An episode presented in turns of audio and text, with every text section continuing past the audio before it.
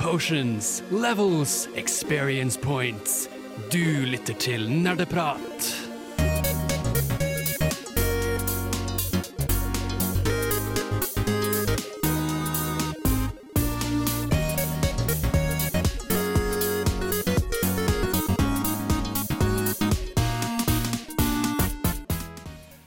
Hei og hjertelig velkommen tilbake til en ny episode med Nerdeprat. Det er torsdag, det er sendingstid. Vi skal ha sending. Nerdeprat har sending akkurat nå. Bra du hører på. Tusen takk. Veldig hyggelig. Ja. I dag skal vi snakke om sjangerdefinerende spill. Og ja, hva skal man si? Spill som har hatt en veldig sterk innflytelse på sjangeren den er i. Ja. Um, så det, det blir litt av hvert i dag, og vi kommer til å snakke om veldig spesifikke spill. Og det er ja, ganske mye å snakke om her, Det egentlig. er veldig mye. Fordi er- Fordi eh, sjangerne har jo dukket opp fra noe sted. Ja. De må liksom komme ut til minst ett spill. Mm, og det, vi, vi snakker jo om dette, da, naturligvis, fordi i morgen så kommer den etterlengtede Resident Evil 4-remaken. Resident Evil 4 anses jo som et utrolig innflytelsesrikt spill på alle andre spill. Ja, ikke av meg, da. Eh, nei, ikke av Bård, men eh, deg om det. Vi får, vi får ta den praten når vi kommer dit. Mitt navn er Håkon, jeg er programleder. Ja, mitt navn er Bård, jeg er tekniker. Og Oksana og Lars Martin er dessverre ikke med oss, eh, men vi ønsker dem lykke til med det de jobber med. Ja. Vi gjør sånn som vi alltid gjør. Vi starter med eh, en låt vi skal høre kanskje i morgen, med, av Siri Malmedal Hauge.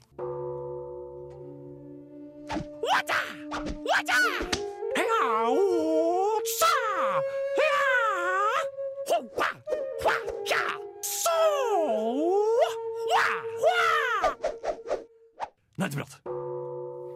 Vi starter med en eh, kort innkikksrunde før vi går på temadel og nerdenytt. Jeg kan starte med hva jeg har gjort siden sist. Og grunnen til at jeg starter, er fordi jeg har jo egentlig ikke spilt så mye. Du har vært opptatt. Jeg har vært litt opptatt og vært på hyttetur og jobbet med masteroppgaven min. Den må jo faktisk skrives, den òg. Ja. Men eh, jeg har spilt mer Kingdom Hearts, naturlig nok. Nå har jeg fullført spillet. Em, det er klart siste boss. Og så har jeg begynt på det siste superboss-kjøret. Fordi Kingdom Hearts er veldig kjent for at det alltid har noen helt latterlig vanskelige superbosser etter du har Har de også sånn type supervåpen du kan plukke opp ved å samle inn masse forskjellige Jo, ting? det har jeg også fått, men det er altså ironisk nok ikke den sterkeste keybladen i spillet. Så klart ikke. Um, det, det er i hvert fall Den gjør ikke like mye skade som uh, Nightmare Before Christmas Keybladen. Som bare er det, er en, det er en sånn candy cane som du slår rundt med, og det er den absolutt sterkeste, liksom. Og det er utrolig latterlig. Veldig interessant at den du må liksom virkelig jobbe for å få tak i, ikke er den sterkeste. Ja. Men eh, jeg har begynt på superboss-kjøret. Det er, jeg tror, 15 superbosser i spillet. Um, jeg har klart nå Sephiroth, fordi Sephiroth eh, fra Final Fantasy 7 er en superboss i dette spillet. Så klart. Um, og det tok meg et par forsøk, men han var det, det var sånn, Da jeg var ung, eh, så bare drømte jeg om dagen jeg endelig skulle klare å ta Sephiroth. Eh, fordi jeg trodde ikke jeg noensinne kom til å klare det, og så spilte jeg det nå, så var jeg sånn Det her var egentlig ganske lett. Ja. Det var eh, i hvert fall nå som jeg hadde blitt, begynt å forstå Kingdom Hearts, så var det veldig mye lettere. Det er utrolig hva erfaring kan gjøre med deg. Ja.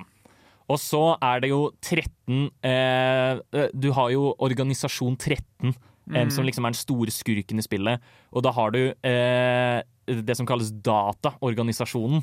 Som bare er den samme med organisasjonskampene, men mye vanskeligere. Okay. Og det jobber jeg på nå. Jeg har ikke klart noen ennå. Nei. Og så er det en siste, da, som er en annen Kingdom Hearts-karakter fra et annet spill. Som er liksom Du må være level 99 hvis du har noen sjanse for å ta den. Ja, altså Må du bare levele opp og sånne ting nå, eller må du bli Eller er du maks og må bare bli bedre på kampene? Jeg grinder eh, Ja. leveler, men det tar heldigvis ikke så lang tid. da Så det er sånn, altså em, Så fort du vet hva du skal gjøre for å grinde, så tok det meg kanskje en halvtime å få 20 leveler. Ja, Um, som er veldig innafor. Det Mm. går helt fint. det gjør jo det. Jeg har det ja, veldig gøy med det. Um, og det får en oppdatering neste uke, når jeg forhåpentligvis har klart disse superbossene. Eller i hvert fall noen av de. Så har jeg også spilt et annet spill. Uh, jeg nevnte for et par innsjekker siden at jeg hadde spilt Metroid Primary Remastered. Det har også fått meg til å spille andre Metroid-spill, så jeg har spilt Metroid, eh, Super Metroid. Som da, for de av dere som har hørt på Nerdeprat tidligere, vet at jeg liker å spille Super Metroid minst én gang i året. Bare for å liksom se Klarer jeg å få det raskere enn sist. Og jeg, jo, jeg har ikke fullført eh, runnet mitt ennå, men eh, jeg kan jo med trygghet si nei, ikke denne gangen. Og det er fordi eh, jeg spiller på minisnessen min. Ehm, og det er jo på en måte ja, Hva skal man si, SNES-kontrolleren er vel kanskje den autentiske måten å oppleve spill Ja. på, men jeg syns det er utrolig mye vanskeligere enn å bruke en stick. Altså, du må jo bruke en D-pad. Mm.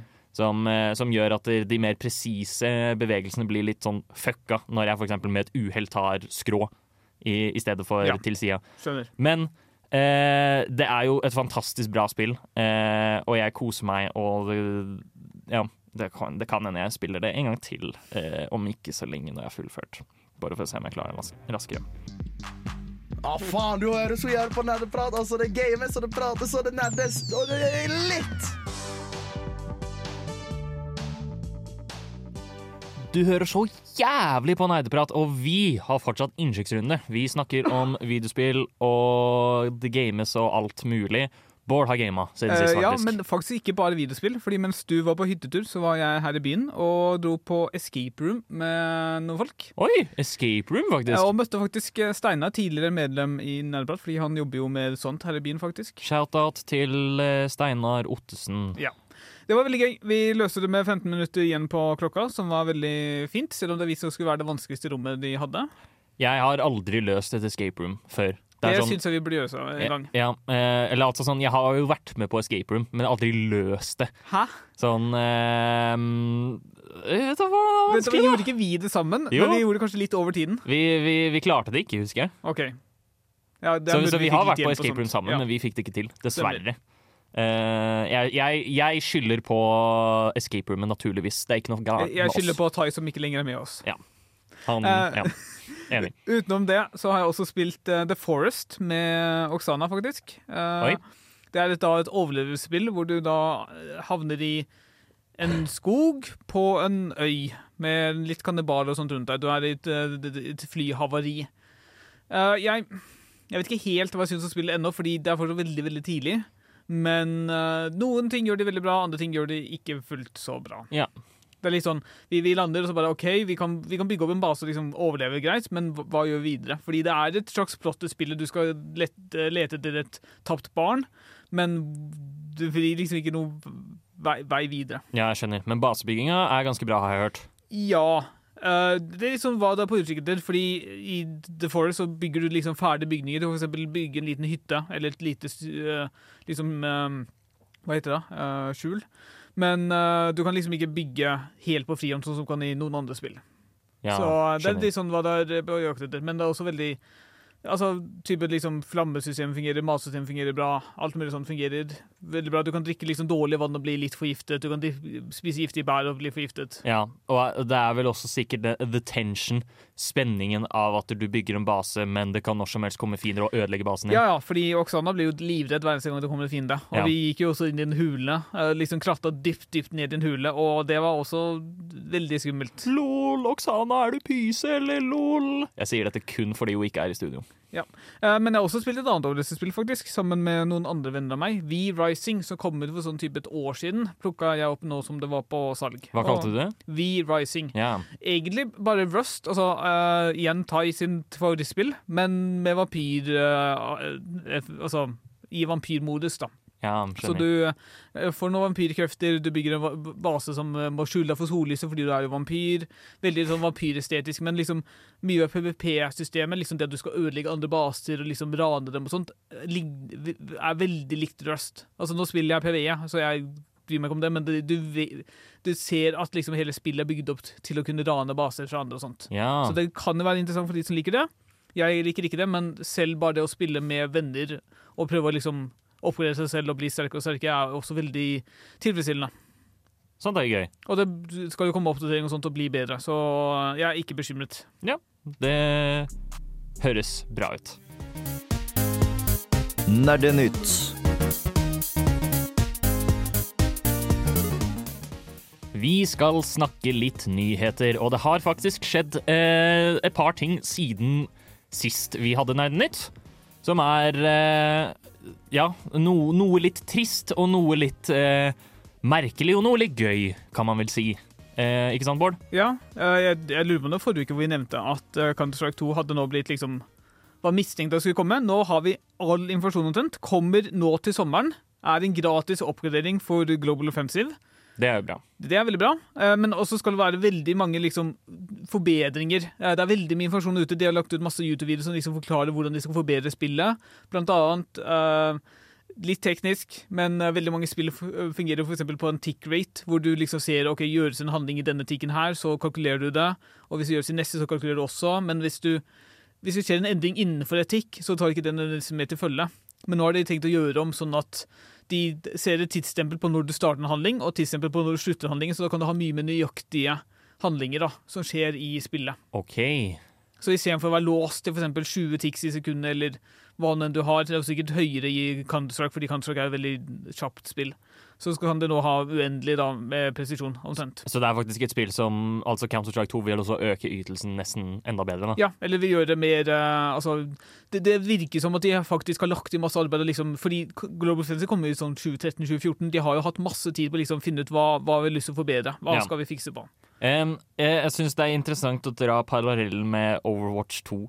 Um, som på en måte, fordi så vidt jeg har forstått, så er Counter-Strike 2 eh, det samme spillet, men med en ny engine som fungerer bedre, eh, og en toer bak. Ja. Akkurat det samme som Overwatch 2, men forskjellen da er jo at Counter-Strike ser ut til å liksom ha forstått. På en Ja, måte. nå- Ja, og at du får det gratis, er jo veldig, veldig sånn mye bedre, da. Nå gjenstår det jo å se altså nøyaktig hvor mye bedre det er, kommer til å være. Men så lenge det bare er godt nok som det er allerede nå, og kanskje har noen forbedringer, så er tror jeg folk setter pris på det. Fordi altså, Overwatch var jo en, noe du måtte betale for i utgangspunktet, mens eh, Global Fence har alltid vært gratis, mer eller mindre. Ja, nettopp. Så, så det er altså helt supert, egentlig. Ja. Jeg gleder meg til å se hvordan det går. Kanskje til og med også prøver det sånn noen runder. Fordi altså, Counter-Strike, Problemet med Counter-Strike er spillmiljøet rundt. Spillet i seg selv er bra. Det er godt designet spill. Det er en stor kompetitiv scene rundt Counter-Strike for en grunn. Ja, nettopp. Mm. Eh, litt triste nyheter. Uh, Lance Reddick, som er stemmeskuespiller i Som var stemmeskuespiller i eh, Destiny 2, og har vært med i ganske mange store filmer og serier. Han, han har annet spilt politisjefen i The Wire Ja, og eh, hotellobbyisten i John Wick. ja jeg tror han også skal være med i den nye John Wick-filmen som slippes Ja, eh, nå. det stemmer. Han øh, døde dessverre i i løpet av den siste uken, så har det vært veldig mye reaksjoner i spillmiljøet til Destiny spesielt da, rundt dette her. Jeg tror kanskje det som gjorde meg absolutt mest trist Jeg husker jeg ble helt sjokkert eh, da jeg hørte at han døde, men det, det som var mest trist, var at dagen før han døde, så hadde han spilt Destiny. Ja. Han elsket den communityen, liksom. Det gjorde han. Og det var veldig åpenbart at communityen elsket han tilbake. Mm. Så det er utrolig leit. Uh, utrolig triste nyheter. Ja. Mm. Og også liksom for skuespillerverdenen også, fordi han har vært veldig flink Ja. der også. Mm. Bare ja, generelt en fin fyr. Vi får ta opp stemninga litt igjen. Hva Har du noen andre fine nyheter eller gøye nyheter til oss? Ja, altså, jeg vet ikke om det er fine, men det, det ryktes at eh, Respawn, som er de som driver Apex Legends, skal nå åpne tredje studio for å holde Apex Legends gående i 10-15 år til. Og det syns jeg er veldig ambisiøst. 10-15 Det er år er en mannsalder. Det er sånn, jeg, jeg føler det er utrolig få spill som varer så lenge. Jeg føler altså, League of Legends har vært heldig for at det har vart så lenge. på en måte Ja, Det er bare, ja. det er bare the struck gold. på en måte Du, du skal være sykt du, ja, du, skal, du skal slå gull, liksom. Du skal slå olje, eller Og hva man skal si. Det virker ikke som Apex Legends har slått oljen akkurat nå, Nei. med høy konkurranse fra Fortnite og PubG og Warzone og diverse andre. Ja, Så det er jo uh, veldig ambisiøst av dem. Eh, det, det, det var veldig gøy, faktisk. En sjokkerende nyhet. Å, helvete! Jeg må forte meg! Det er en ny episode av Nerdeprat. Det kan jeg ikke gå glipp av.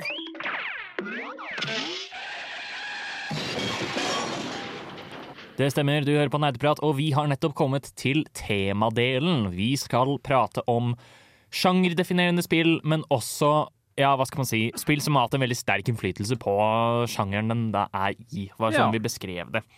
Um, for da å avklare, altså det, det, det sier jo litt seg selv, da. Spill er, for, for å forklare dette utrolig dumt, um, hvert eneste, eller banalt, da, om man kan si det på den måten. Spill er, eh, har jo hver sin sjanger. Det kan hende at de mikser og matcher litt her og der. Men i utgangspunktet så kan man nesten koke det ned til at hvert spill har minst én sjanger.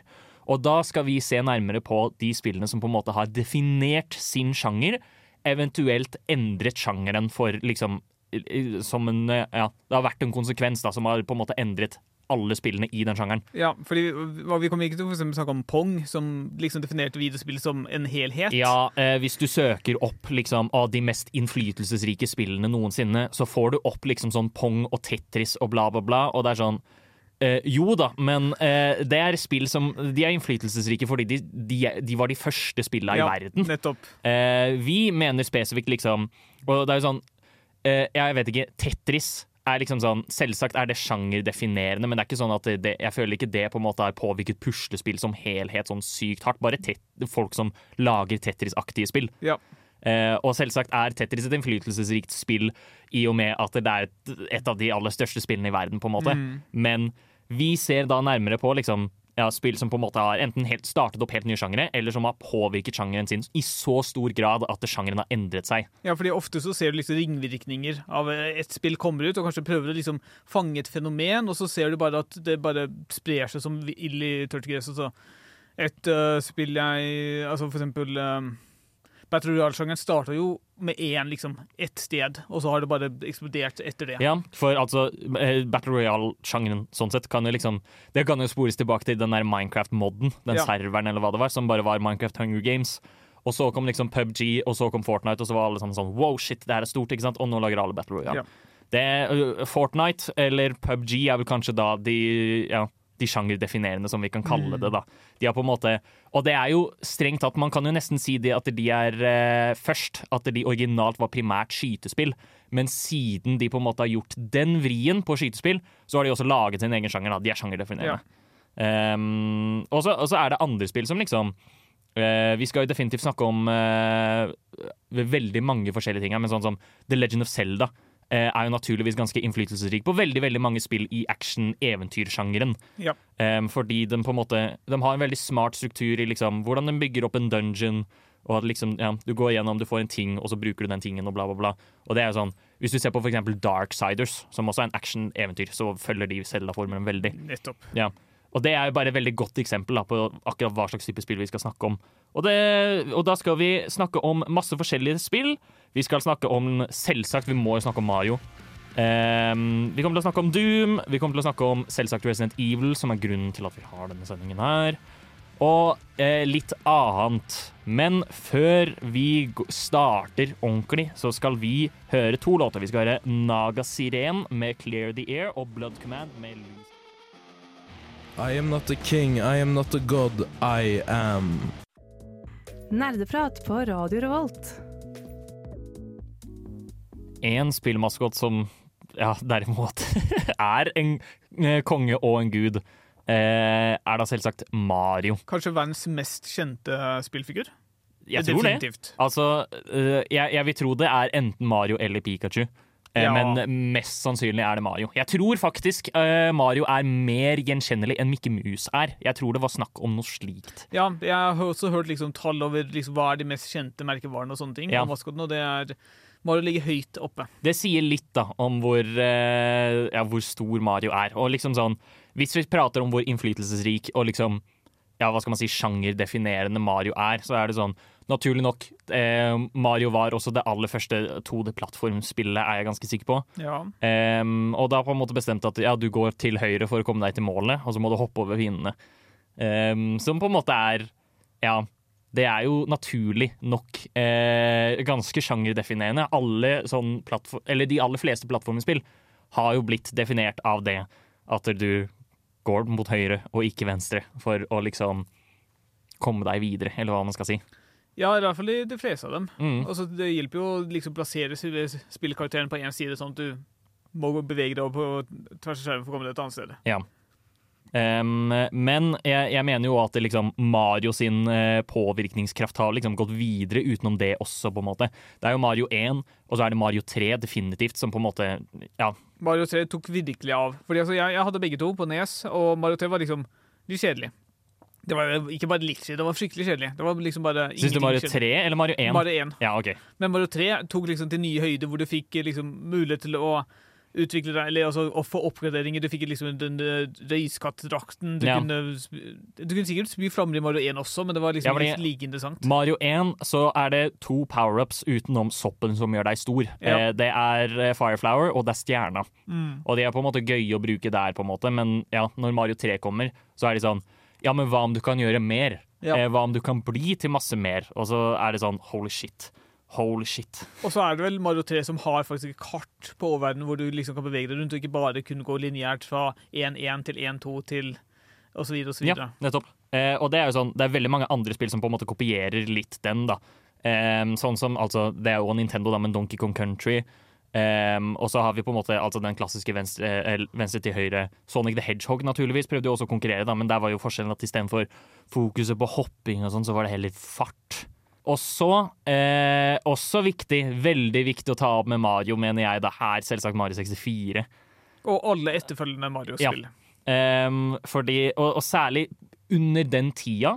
Altså, mange ser jo på Mario 64 som et av de absolutt beste spillene eh, som finnes. Eh, for god grunn, fordi det er altså, utrolig gøyal level design som eh, også belønner deg for å tenke kreativt, eh, bruke spillets mekanikker i din fordel og lignende. Men også at Mario 64 var vel også det aller første eh, spillet i den gigantiske serien av collectathon-spill Ja. som, som var utrolig populært på sent 90-tallet. Altså, Banjo Kazooie kom vel ut like etterpå til samme konsoll, Ja. og Donkey Kong, nei, Donkey, Kong, Donkey Kong 64 kom. Det er jo også Nintendo, men det er utviklet av Rare. Eh, Spyro the Dragon er jo òg liksom du, ja, Nå er du en drage, det var Sony, men du løper rundt og samler liksom alle disse eh, juvelene i ja, stedet. stemmer juveler. Og så, jeg, jeg tror også eh, det unike spillet Glover, hvor du bare du styrer en ball, eh, og så skal du liksom få den ballen Eller du styrer en hånd ja. som guider en ball Mm. eh, til mål. Er òg liksom sånn, Selv om det på en måte er eh, fra A til B, så er det fortsatt masse collectathon-elementer i det òg, er jeg ganske sikker på. Ja. Um, så, så det er på en måte Mario har jo for veldig liksom, For nesten alle de tinga som man ser på som plattformer-ting, har Mario definert.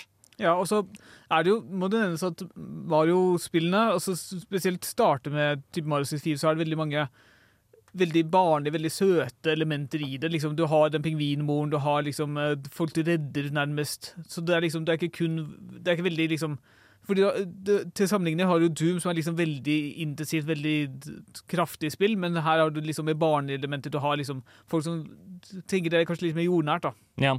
Jeg tror jo også Nintendo er den, er den største grunnen til at folk tenkte at spillet er for barn. Ja. Selv om eh, du må ikke være barn for å spille og nyte Mario. Mm. Og det er jo viktig å understreke, men det er jo fortsatt eh, de, man, man, man ser på en måte Marios eftermæle i alle plattformspill. Ja. Også i tillegg, altså Mario har jo uendelig mange spin-off-spill også, som på en måte videre igjen har hatt påvirkning på andre spill, liksom. Det, det er en grunn Altså, det er sikkert den samme grunnen til at uh, Banjo Kazooie har en bjørn og en fugl i seg, bare for å være liksom, liksom barnlig og liksom ha et litt mer eh, ja, uskyldig b- blikk over seg. Ja, definitivt. Så um, vi, vi, vi var på en måte sånn i starten sånn Ja, du skal ikke ta noen av de åpenbare sånn liksom, å, spill starter generelt, men Mario er uunngåelig fordi det var, er såpass revolusjonerende spillserie. Ja. Um, og liksom, ja, tar for seg så mye forskjellig at det, det må nevnes. Hey, yo, er DJ MacLeod Banks. Hører på Nerdeprat. Baku! Det stemmer, du hører på Nerdprat, og vi skal gå videre til å snakke om en annen, eh, en annen sjanger av spill som har gått under veldig mye utvikling egentlig opp gjennom årene generelt. Førsteperson skytespill. Eh, som naturligvis, hvis vi skal starte med den sjangerdefinerende spillet, startet egentlig i hovedsak hos Doom. Eh, jeg sier i hovedsak fordi det er et eldre spill også utviklet av Bethesda som heter Catacombs 3D. OK. Um, som er basically en Doom-aktig skytespill. Men Det slo aldri an. Det slo aldri an, og det var veldig dårlig, så vidt jeg okay. forsto. Um, og så kom Doom, og på en måte uh, åpnet, banet veien da, for skytespill generelt. Fordi på det tidspunktet så tror jeg egentlig ikke det eksisterte noen som helst form for førstepersons skytespill. Det er jo utrolig merkelig i og med at skyting har vært veldig vanlig i liksom, filmer og alt mulig sånt opp gjennom alle tider. Og så var det ingen som tenkte på at ja, la oss lage skytespill før da du kom ut. Ja, eh, det var jo 1993, da, på en måte. Og da hadde man jo sett eh, hvor kraftig Eller altså På det tidspunktet så var det jo litt sånn både og hvor kraftig videospill var, men eh, det, det var jo åpenbart mulig, da. Ja. Og da var det overraskende at det liksom tok så lang tid før de faktisk gjorde noe slikt. Mm. Og Doom også er jo på en måte sånn det er, ikke, det er ikke det mest kompliserte spillet i verden. Em, Det har på en måte et komplekst kart, eh, også, men du kan f.eks. ikke sikte opp og ned. Så lenge du ser mot fienden og skyter, så treffer du dem uansett hvilken akse de er på. på en måte. Mm. Em, og dette ble jo på en måte Det ble jo mer komplisert senere, etter hvert som at teknologien tillot det også. Men bare det konseptet av at du løper rundt, skyter fiender, du har synsvinkelen til karakteren du spiller, det, det startet typ hos Doom.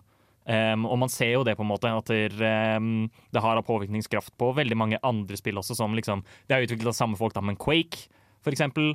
Um, og generelt litt mer sånn action-packed, uh, eh, level-baserte eh, skytespill er på en måte, ja, i all hovedsak på grunn av Doom. Men det utvikler seg jo videre derfra også. Man kan se på et annet spill som også tar litt inspirasjon fra akkurat dette med level-basert, nemlig Half-Life. Um, som på en måte Her gjør de en litt sånn interessant vri. Uh, Doom Nesten all historien til Doom kommer gjennom uh, historiefortelling av bare level-designet generelt, men også bare som en svær blokk av tekst på starten av hvert, eh, hvert kapittel, Ja, om du kan veldig si engasjerende. Ja. Eh, og det er jo litt sånn kjedelig. Mens Half-Life eh, da på en måte er Man kan vel si egentlig det første ordentlig historiedrevne skytespillet.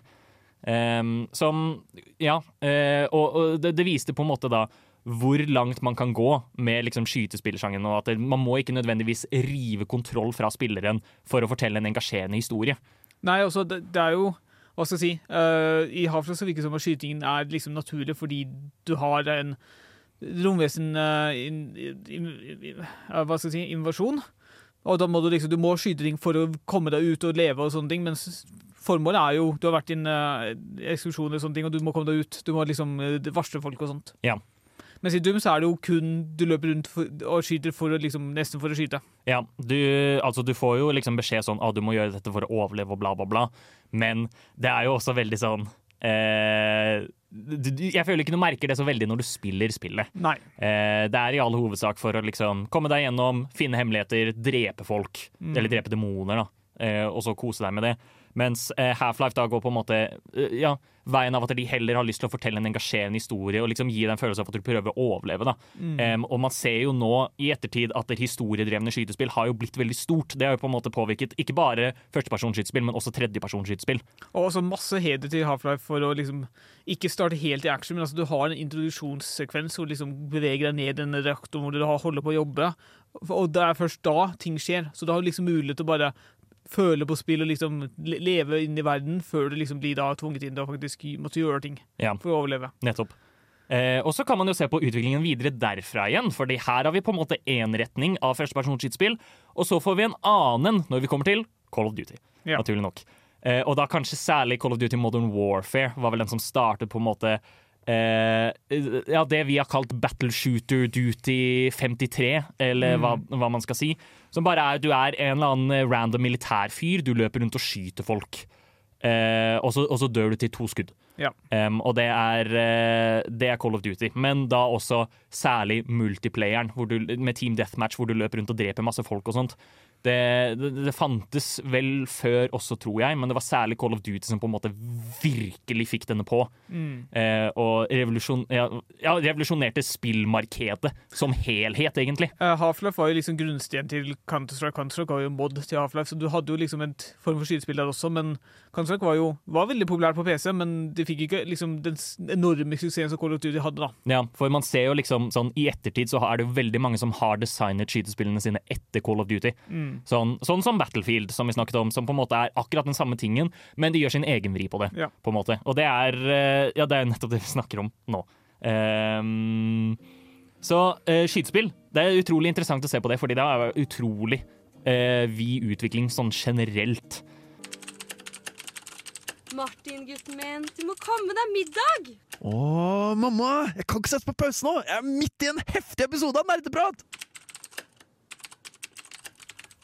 Du hører faktisk på Nerdeprat, og vi skal snakke om eh, et nytt spill som eh, vi har snakket om ganske mye i det Ja. siste, egentlig. Men det Um, må jo nevnes. det er så fuckings fuckings innflytelsesrikt, dette spillet her, eh, og har påvirket så mange, mange forskjellige typer spill.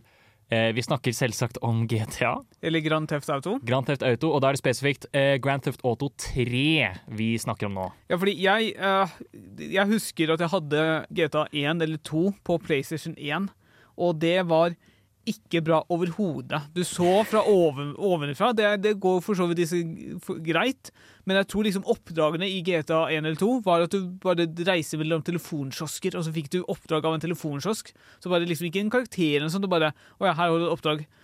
Og jeg, jeg, jeg var jo også så ung og dum, så jeg skjønte ikke helt hva jeg egentlig skulle gjøre. Ja, Og det, bare det å se ovenifra er ikke helt eh, Hva skal jeg si Det er vanskelig å forstå seg på som en eh, Altså en person som ikke var så veldig vant med videospill. mm, det er langt ifra den samme på en måte sjarmen som det det nye GT har. Ja, GTA, Um, altså Fra GTA 3, hvor det ble 3D, og Vice City spesielt, det var det, det jeg føler når folk begynte å liksom ta det til seg og så liksom sjarmen i spillet. da. Ja, for det var jo også da spesifikt at GTA liksom begynte å finne seg selv, Ja. om man kan si det. Og det har jo nå blitt, altså særlig da GTA 3 har jo blitt veldig sjangerdefinerende. Ja. I og med at det har basically startet sandbox-sjangeren Mm. av spill. Um, sandbox vil altså si altså, det ligger litt i navnet. Du blir satt i en sandkasse, i dette tilfellet hvilken som helst by fra GTA. Hvor du bare kan gjøre hva du vil. Du har kanskje et oppdrag eller liksom noen ting du kan gjøre, og sånt, men i utgangspunktet så kan du løpe rundt og drepe folk og bla, bla, bla. og sånne type ting. Ja, altså det er jo liksom en hva skal si, sandkasse sin barndom, da, fordi du nå har jo sandkassespill hvor du faktisk kan gjøre hva som helst. I Battlefield så kan du ødelegge bygninger, i Minecraft også bare, kan du bare ødelegge alt terrenget, men altså her kunne du bare kunne, Det var en verden hvor du ble plassert, du kunne gjøre hva du vil uten noen særlige konsekvenser. Ja, politiet begynte kanskje å jakte på deg, men du kunne bli kvitt dem ganske enkelt. Ja, Og eventuelt hvis du døde, så var det bare sånn Ja, da våkner du på sykehuset, og så kan du gå og drepe folk Ja. igjen. Du be- betalte liksom 100 dollar eller noe sånt for det. Ja. Var det sånn at du mistet våpnene dine før, eller har jeg innbilt meg det? Jeg lurer Det er litt usikker. Jeg tror begge det, både å bli tatt av purken og å havne på sykehus, så mister du våpenet, fordi så klart lar de ikke deg gå ut med våpen. Ja, Men uh, jeg er litt usikker. det er jo naturlig. Men sånn eh, Altså, det startet jo her med GTA, men siden eh, GTA 3 og sånn, så har det kommet veldig mange forskjellige sandbox-spill. Og det er fordi det er noe utrolig gøy med å liksom kunne gjøre hva du vil i en åpen verden. Ja, og så er det ikke så mange spill som liksom gjorde et bymiljø, spesielt ikke i den graden GTA 3 og videre gjorde. Mm. Fordi veldig mange spill er de plassert i liksom et eventyrverden eller veldig liksom fantasidrevet, men her blir du faktisk plassert i en virkelig by som er og På den tiden må det ha vært enormt. Altså, Den er jo sikkert ikke veldig stor i dagens standarder, men det å kunne liksom bolte seg fast på en såpass stor by som har liksom flere oppdragsgivere, har masse folk som går rundt, det må jo være fantastisk. Ja, nettopp. Eh, og man ser jo liksom sånn eh, at folk har jo på en måte, når de har laget sine egne sandbox-spill, så har jo de utvidet litt, eller liksom tatt litt andre settinger og sånt. Hvis du tar Just Cause Just Cause er jo sånn eh, jeg vet ikke, De tenkte kanskje GTA, men bare liksom at du kunne gå så berserk og gæren som du vil, fordi du har grappling hook, og det er liksom ute i Amazonas eller hvor det er. Og så bare, ja. Ja, det er liksom en blanding av GTA og Far Cry, hvor du liksom bare har liksom galskapet fra GTA med liksom settingen til Far Cry. Mm. Som også for så vidt fungerer veldig bra. Ja. Og så har man jo for eksempel, altså vi, har, vi nevnte jo det også sist, men Saints Row gjør jo akkurat det samme som GTA, bare liksom også litt mer tullete og Ja. Jeg vil også gi heder til liksom Altså, ikke alle karakterene i alle GTA-spill er nødvendigvis så gode, men altså Det var vel med treeren de starta liksom å ha unike karakterer som liksom har et visst mål. Du følger dem med oppdragene for å nå dette målet, eller kanskje de, de til og med liksom uh, dolker deg ryggen og sånne ting. Du har faktisk karakterer som er gjenkjennbare. Som Ja. er uh, veldig mye bedre enn bare å ha oppdrag fra en eller annen telefonkiosk. Ja, og det er jo sånn eh, Jeg vet ikke om man skal si at det liksom Man nesten også kan dra det til den at GTA startet egentlig åpen verden um, som konsept. Det gjorde nesten det. Ja. For eh, man, det er jo veldig mange andre spill også, liksom, som på en måte GTA la, setter deg jo i en by og er sånn Gjør hva du vil i denne byen. Mm. Eh, det er jo strengt tatt en åpen verden, men det har på en måte sandbox-elementet også til seg. Ja. Jeg er litt usikker på liksom, for eksempel når The Elder Scrolls-spillet kom ut, og Fallout og sånne ting, men uh, de var jo definitivt der ute tidlig, da, og konkurrerte med dem. Det er uh, en spennende spillserie som ja, man ser at det har påvirket veldig mange spill som ja, sånn som Just Cause og ja, det, det er noe utrolig gøy med å bare løpe rundt og gjøre kødd. Ohayo, minisan, konnichiwa. Du hører på Nerdeprat, nja-nja. På Radio Revolt, desene. Uvu. Vi skal nå gå videre til å snakke om ja, hva skal man si, grunnen til at vi har denne sendingen her. Resident Evil. Eh, og da har jeg spesifikt lyst til å snakke om Resident Evil 1 og Resident Evil 4.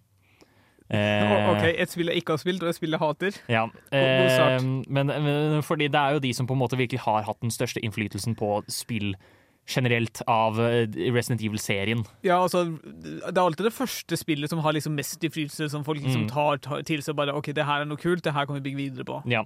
Eh, det skal være verdt å si altså det Resident Evil første spillet var kjent for, i absolutt stor grad, er jo at den på en måte virkelig satte i gang survival horror-sjangeren som vi kjenner den, da. Som er uh, at ja, du, du blir på en måte plassert i et skummelt uh, sted med um, skumle fiender, og så har du en pistol, kanskje, men veldig lite ammunisjon til å bruke den.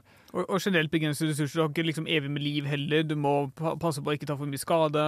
Ja. Sånne ting. Resident Evil tok jo dette også til det ekstreme, um, som var med liksom sånn For det er verdt å nevne da, at Resident Evil er ikke det aller første uh, survival horror-spillet. Det regner vi med er uh, tredje spillet Alone in the Dark, som jeg tror kom ut i 1994, eller noe slikt. Mhm. Jeg tror Resident Evil kom ut i 1997. Det vet jeg, jeg er ikke helt sikker på. Men Resident Evil da, skilte seg ut ved at den, den tok med liksom survival-aspektet med å in introdusere inventory management. Ved at du har et inventory av gjenstander og våpen og ting du kan bruke. Starta Starter de allerede da også med det at du må liksom bevege deg rundt på kartet for å finne nye våpen og liksom yeah. låse opp ting gradvis? Ja. Jepp. Eh, Resident Evil krever liksom at du, du får en gigantisk herregård å utforske. Eh, og du må på en måte navigere det liksom sakte, men sikkert etter hvert som du på en måte Du får en duppeditt her, og så kan du bruke den i dette rommet, og så får du en duppeditt der, og så kan du bruke den i dette rommet. type ting. ja, og da blir du liksom tvunget i møte med noen fiender. Så da kan liksom du designe spillet med at her er en fiende. Den kom, det må spilleren møte fordi de skal bak den. Ja, eh, og eh, en annen ting da, særlig med Resident Evil, er at det, eh, det første spillet det er grusomt skummelt og vanskelig, fordi én fiende der krever sånn ti kuler å drepe. Så det er også et spill som eh, liksom oppfordrer deg til å unngå konfrontasjoner så mye som mulig. Som på en måte er en ganske gjengående tema, i hvert fall en del survival horror-skytespill. Um, ja. Er det det spillet som, hvor også kamera er den verste fienden? Jo, kamera er den verste fienden, og det er fordi det er faste Du kan gå inn i et rom, og så vil kamera bytte vinkel seks ganger. Eh, Ja. Som er utrolig frustrerende. Eh, og altså, merkelig nok, jeg syns det, det hele Altså eh, Spillets shortcomings og frustrasjoner gjør opplevelsen skumlere. Fordi eh, jeg føler Hver eneste gang jeg møter en zombie, så får jeg packeren. Fordi jeg, jeg aner ikke når kameraet kommer til å bytte side, og det er vanskelig å sikte. Og det er bare helt jævlig, sånn sett. Men det er jo også at eh, den på en måte introduserer i all hovedsak inventory management, som man ser sykt mye av generelt i ikke bare survival horror, men også spill Ja. eh, generelt. Og, og, og der var de også superharde på det, hvor det var sånn å, hvis du har lyst til å save, så trenger du en ink ribbon. Um, og, hvis, uh, og uh, hvis du har en shotgun, eksempel, så tar shotgun plass, og ammunisjonen tar plass separat. Ja, og, og du har jo begrenset antall, så det er sånn, du må være veldig forsiktig med hva du skal ta med deg, og bla, bla, bla.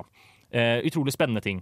Og, så, eh, og det er jo på en måte en staple i Resident Evil generelt, men også da spill generelt. Og så kan vi se videre på Resident Evil 4, som er jeg syns veldig interessant å se på liksom, i lys av disse innflytelsesrike spillene. Fordi det er ikke sånn at selve spillet gjør noe annerledes i mekanikk eller liksom handling eller noe sånt, men den gjør én endring som har en utrolig stor konsekvens for tredjepersons skytespill generelt.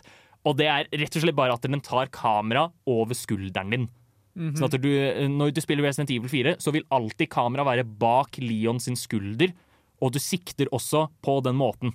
Som ikke eksisterte i skytespill før Resident Evil 4, og nå er det standarden for alle oh, ja. eh, tredjepersons Det visste jeg ikke. Nei, fordi det er jo en Hva skal jeg si eh, Det er ikke så stor forskjell på det å se bak skulderen og se i ansiktet med tanke på at du ikke kan se bak deg, men det er jo alltid nyttig å Altså, hva skal jeg si, Det er, det er et eget desel-moment når du liksom ikke kan se bak deg, som alltid er greit å ha med. Ja, nettopp. Eh, da, men da er det her liksom sånn det, gjør selv, det gjør presisjon og liksom Det gjør det mye enklere å skyte folk, da. Fordi sånn som hvis du tar gamle Resident Evil, hvis du skulle sikte der, så kom ikke kamera bak deg for å hjelpe deg. Du måtte bruke bare liksom du, du bare ser på karakteren din og hvor de sikter, og så må du gjette om du sikter riktig eller ikke. Så ingen av dem hadde liksom førsteperson før Resident Evil Når ble førsteperson introdusert?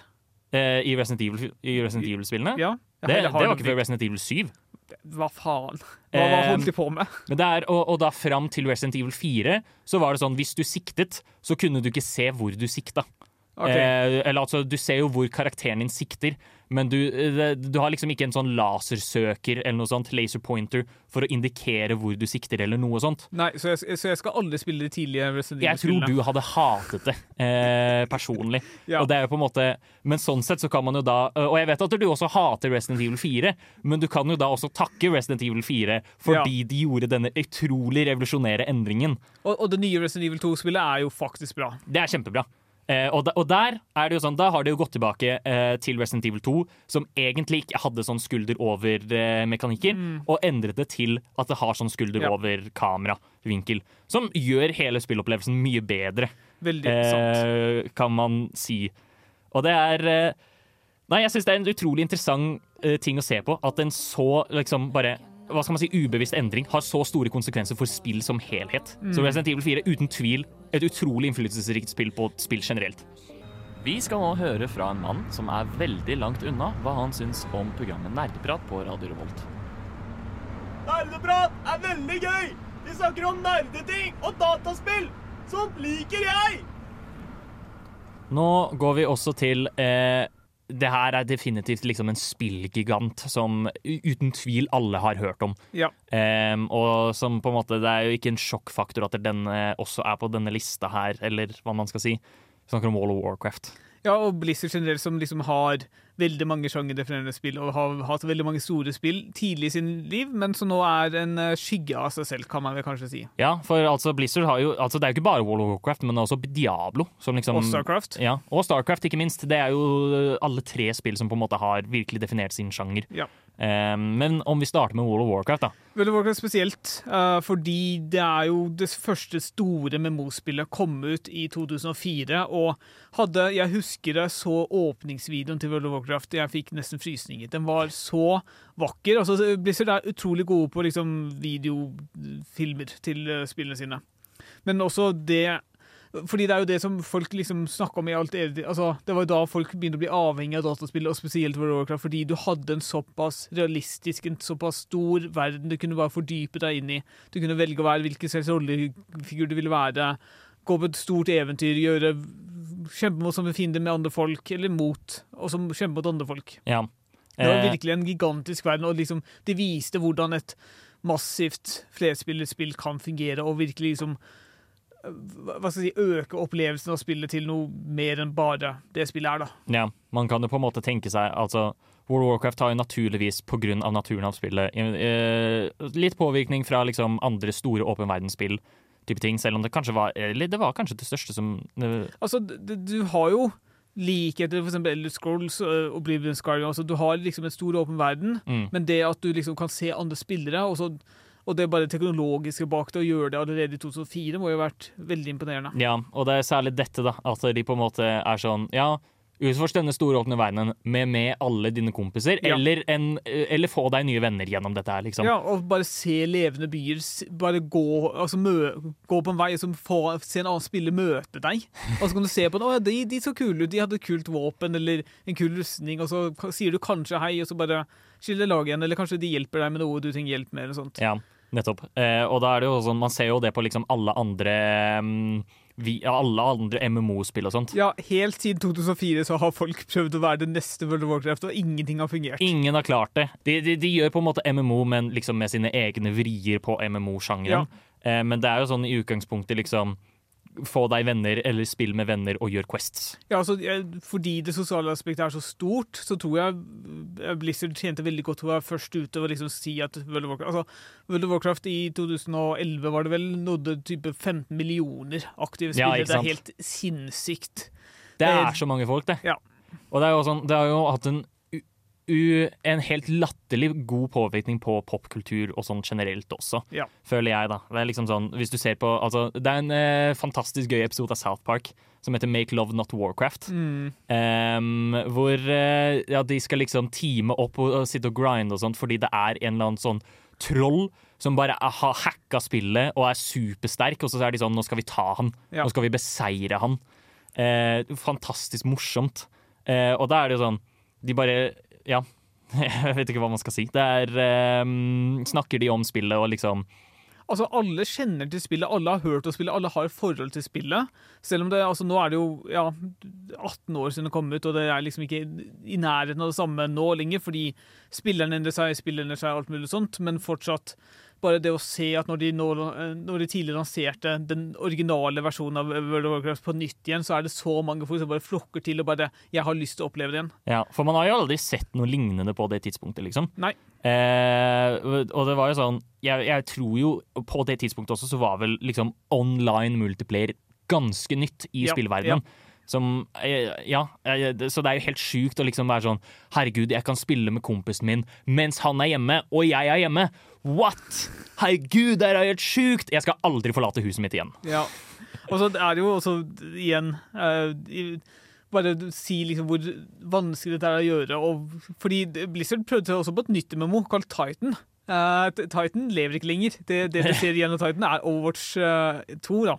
Ja, ikke sant? Fordi de brukte mye av karaktergalleriet til det som skulle bli Titan, til å da skape Overwatch istedenfor. Fordi jeg vet ikke, Det var kanskje for kostbart eller for uh, vanskelig å lage nytt MMO som kan, kunne slå an. Men Ja. uh, Så det sånn skulle én gang og aldri igjen, og ingen har klart å komme i nærheten engang. Ja.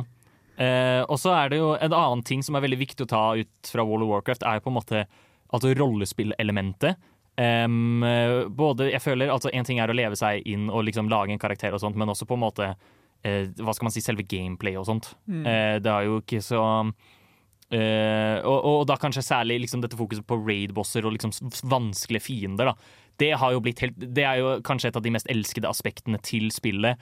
Og bare, det er utrolig mange andre spill, som, selv som ikke er MMO-er, som liksom lager vanskelige raid-bosser og slikt. Ja. Um, så det er utrolig mye rundt hele spillet egentlig som har påvirket veldig mange andre spill, selv utenfor sin egen sjanger. Ja. Som er ja, det- Imponerende. Ingen tvil om at World of Warcraft er et innflytelsesrikt spill på alle mulige måter, egentlig. Du får en remake, og du får en remake, og du får en remake. Alle får en remake. Vi skal nå gå tilbake til plattformingkjøret. Vi pratet om Mario helt i starten av eh, denne sendingen. Men eh, det er, ja, hva skal man si, videre Veldig mye videre utvikling enn bare det.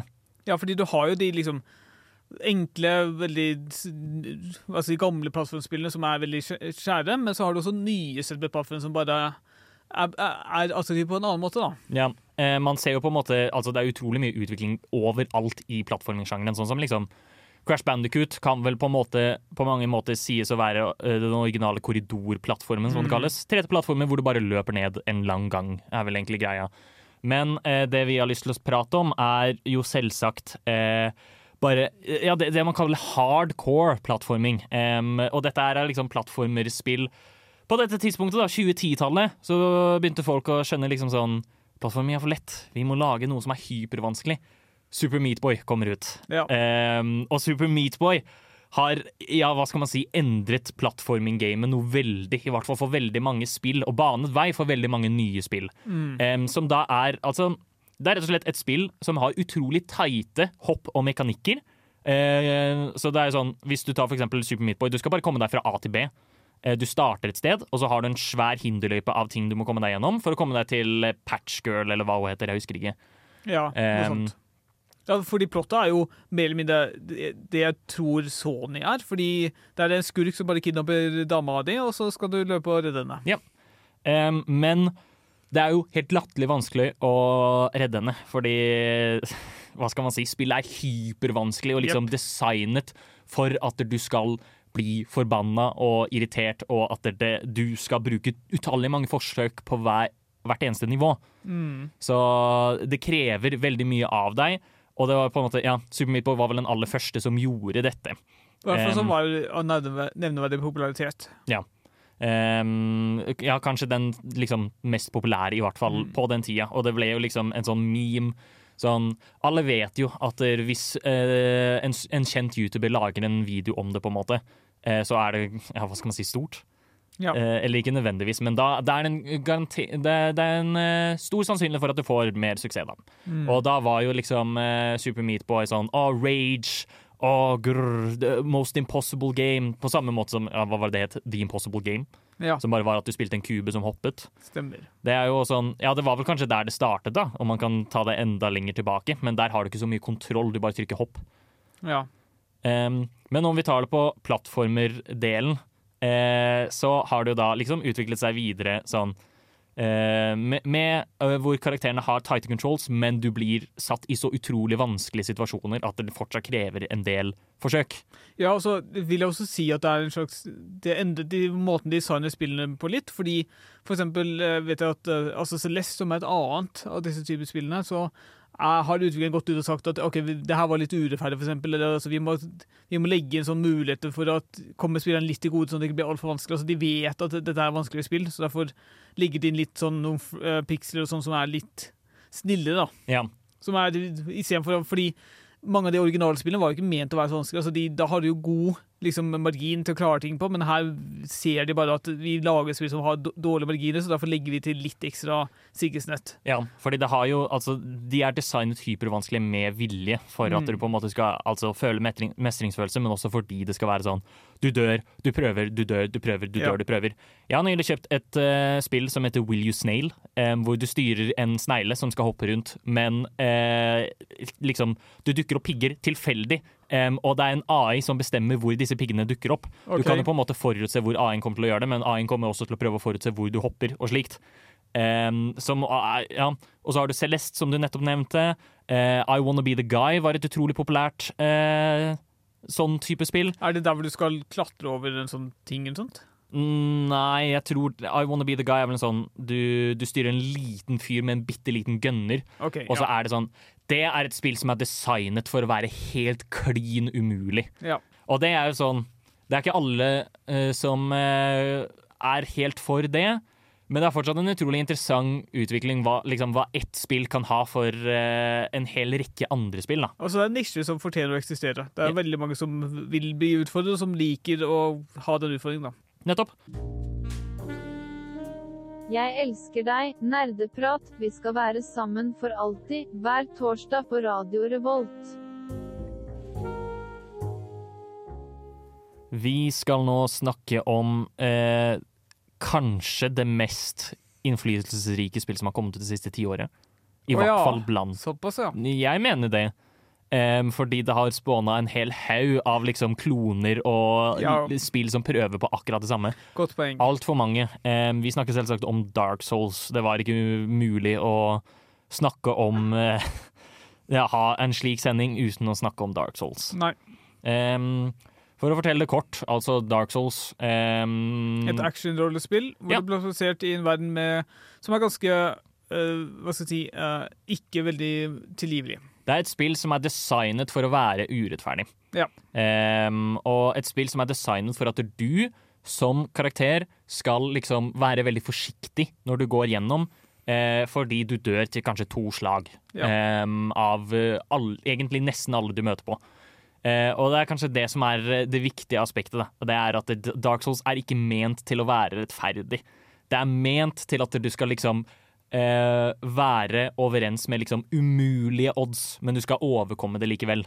Ja, men så har du jo, altså, Etter å ha spilt Dark Souls 2, så virker jo Dark Souls 1 veldig rettferdig igjen. Fordi Dark Souls 2 har jo den tendensen å bare skjule fiender bak ethvert hjørne, mens Dark Souls 1 er, er på en måte liksom ganske godt balansert, da vil jeg si. Ja, for det, altså det er jo veldig sånn designfilosofi, føler jeg, til Dark Souls. Det er bare, Hvis du spiller Elden Ring òg, det er sånn typisk Dark Souls-triks. Og bare sånn Ja, eh, du går inn i en dør, og så var det en fiende rett bak eh, det hjørnet sånn at, som du ikke kunne se. Ja. Um, og da er det jo ment sånn at det liksom eh, Det er jo designet slik for én at du på en måte skal samarbeide eh, med folk ved å legge ned beskjeder og sånt. Sånn pass deg for denne fienden her. Og da blir jo man oppmerksom som spiller, fordi andre har sagt ifra. Eh, men også sånn at liksom spillet prøver å straffe deg, eh, men også at du skal lære deg hva som skjer, på en måte, videre er sånn, når du spiller spillet på nytt. Ja. Eller, eller bare sånn, hvis du dør, og så kommer du tilbake til den gangen, så vet du at det er en fiende der denne gangen. Men det er jo også verdt å legge merke til at det er ikke så mange andre spill som har gjort det bra ennå. Fordi det er, jo, det er noen som har prøvd, men jeg kom ikke på ja, veldig mange spill som ikke lager From Software, som la, gjør det konseptet bra. Ja, og jeg, jeg tror kanskje det som er verdt å trekke ut liksom, av det som, definer, det som er definert som Souls-like for veldig mange Én ting er på en måte liksom eh, Souls, du dør, så mister du alle, og du kan få dem tilbake igjen hvis du kommer deg Mm. til der du døde og sånt. Men kanskje mest av alt combaten er vel det som virkelig I hvert fall når folk prøver å lage en Souls-like, så prøver de å etterligne ish, liksom, combat-flowen til Dark Souls. Ja, fordi en annen viktig poeng er jo at de animerer type hvordan våpen faktisk brukes liksom i svinget. Og Ja. da, da kan du liksom treffe en vegg og sånne ting, og det er det ikke veldig mange spill som gjorde før det, men det ga virkelig liksom en slags ekthetsfølelse som du var, ikke hadde fra før av, som gjorde det veldig bra. Og så er det jo ikke sikkert da alle spill klarer å replikere det heller. Ja.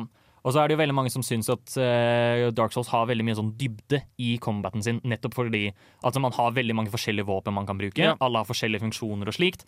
Men også spesifikt hver eneste gang du er i kamp med en annen fiende, så er det nettopp dette med balansen av liksom å være forsiktig og aggressiv samtidig.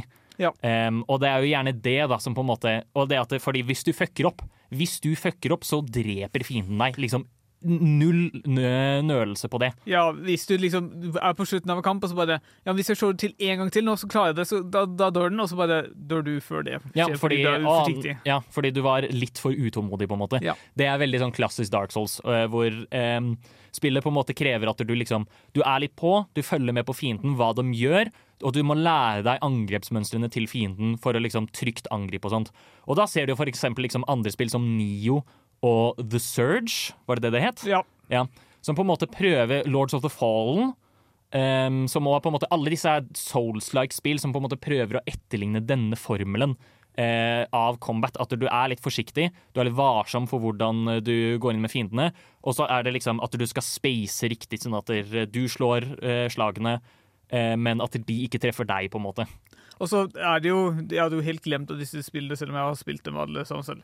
Nio er jo veldig flink til å bare legge til ekstra, til eh, altså e- ekstra deler til spillet som gjør det sin egen greie. Altså I Nio så har du eksempel at du kan holde våpenet høyt, lavt eller midten for et mer eh, aggressiv eller defensiv eh, angrepsmåte. Som gjør et ekstra dybde, og som skiller seg ut. Altså er, Nio er ikke kun en, Diab, altså en Dark Souls-klone, men noe som faktisk er et eget og lever på et eget vis. Mens for eksempel Lord of the Fallen kommer jeg ikke langt nok til å si at kunne utmerke seg på noe som måte. Selv, uh, same med liksom The Surge. Jeg ble dratt inn i The Surge pga. jeg syntes settingen var interessant. Ja. Men jeg merket at det selve spillet skilte seg ikke nok fra Dark Souls for min del eh, til at jeg egentlig brydde meg Nei. til å fullføre det. Um, og, og fordi Det er jo også kanskje en annen ting da, det er at disse spillene prøver ikke nødvendigvis å etterligne En stor del av Dark Souls, mener jeg, er jo verdenen. Mm. Og liksom hvor du, godt du kan leve deg inn i. Og liksom, særlig Dark Souls 1 har jo på en måte denne sammenkoblede verden som er utrolig tilfredsstillende å utforske. Sånn, Jeg fikk ikke det av Nio, for eksempel.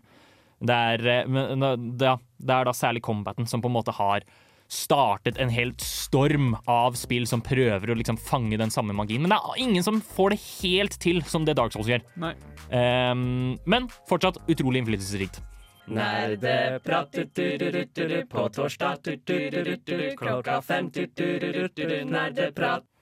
Vi nærmer oss slutten av eh, sendingen. Og herregud, så mange spill det er som er innflytelsesrike. Hvem skulle trodd at spill har eh, At ting utvikler seg og endrer seg over tid? Ja, Det hadde jeg aldri trodd. Nei, ikke heller. Men eh, avslutningsvis har vi da lyst til å på en måte ta et lite sånn, hva skal man si, eh, innblikk i på en måte det vi har snakket om. Det er jo så mange andre, flere spill som på en måte har vært sjangerdefinerende og liksom påvirket andre spill og sånt, eh, enn det vi har pratet om. Veldig, veldig mange flere eh, som vi kunne pratet om, men vi rekker ikke alt, Nei, dessverre. dessverre. Eh, men vi har valgt ut et par nå, og ja, hva skal man si om det, på en måte? Nei, det er jo Vi kunne nesten tatt liksom nesten hva som helst, fordi det er, eller altså, det er vanskelig å si hva som er sjangerdefinerende og ikke. Fordi det kan hende at no, mange andre spill også blir plukket opp av nye sjangere i ettertid, bare fordi de mente at de ble oversett. Og så er det noen som gjør noe veldig bra ut av det. Ja, for eh, vi pratet nettopp om Dark Souls. Veldig interessant å se på, fordi altså Demon Souls var jo det første forsøket deres på en Souls-like, Ja. men det er jo ingen som anser Demon Souls som på en måte den store. Det er Dark Souls Ja. som folk ser tilbake til. Og altså, Demon Souls har jo en del design flaws, mener jeg, da, um, som på en måte gir også mening at det ikke var like tilgjengelig som det Dark Souls var.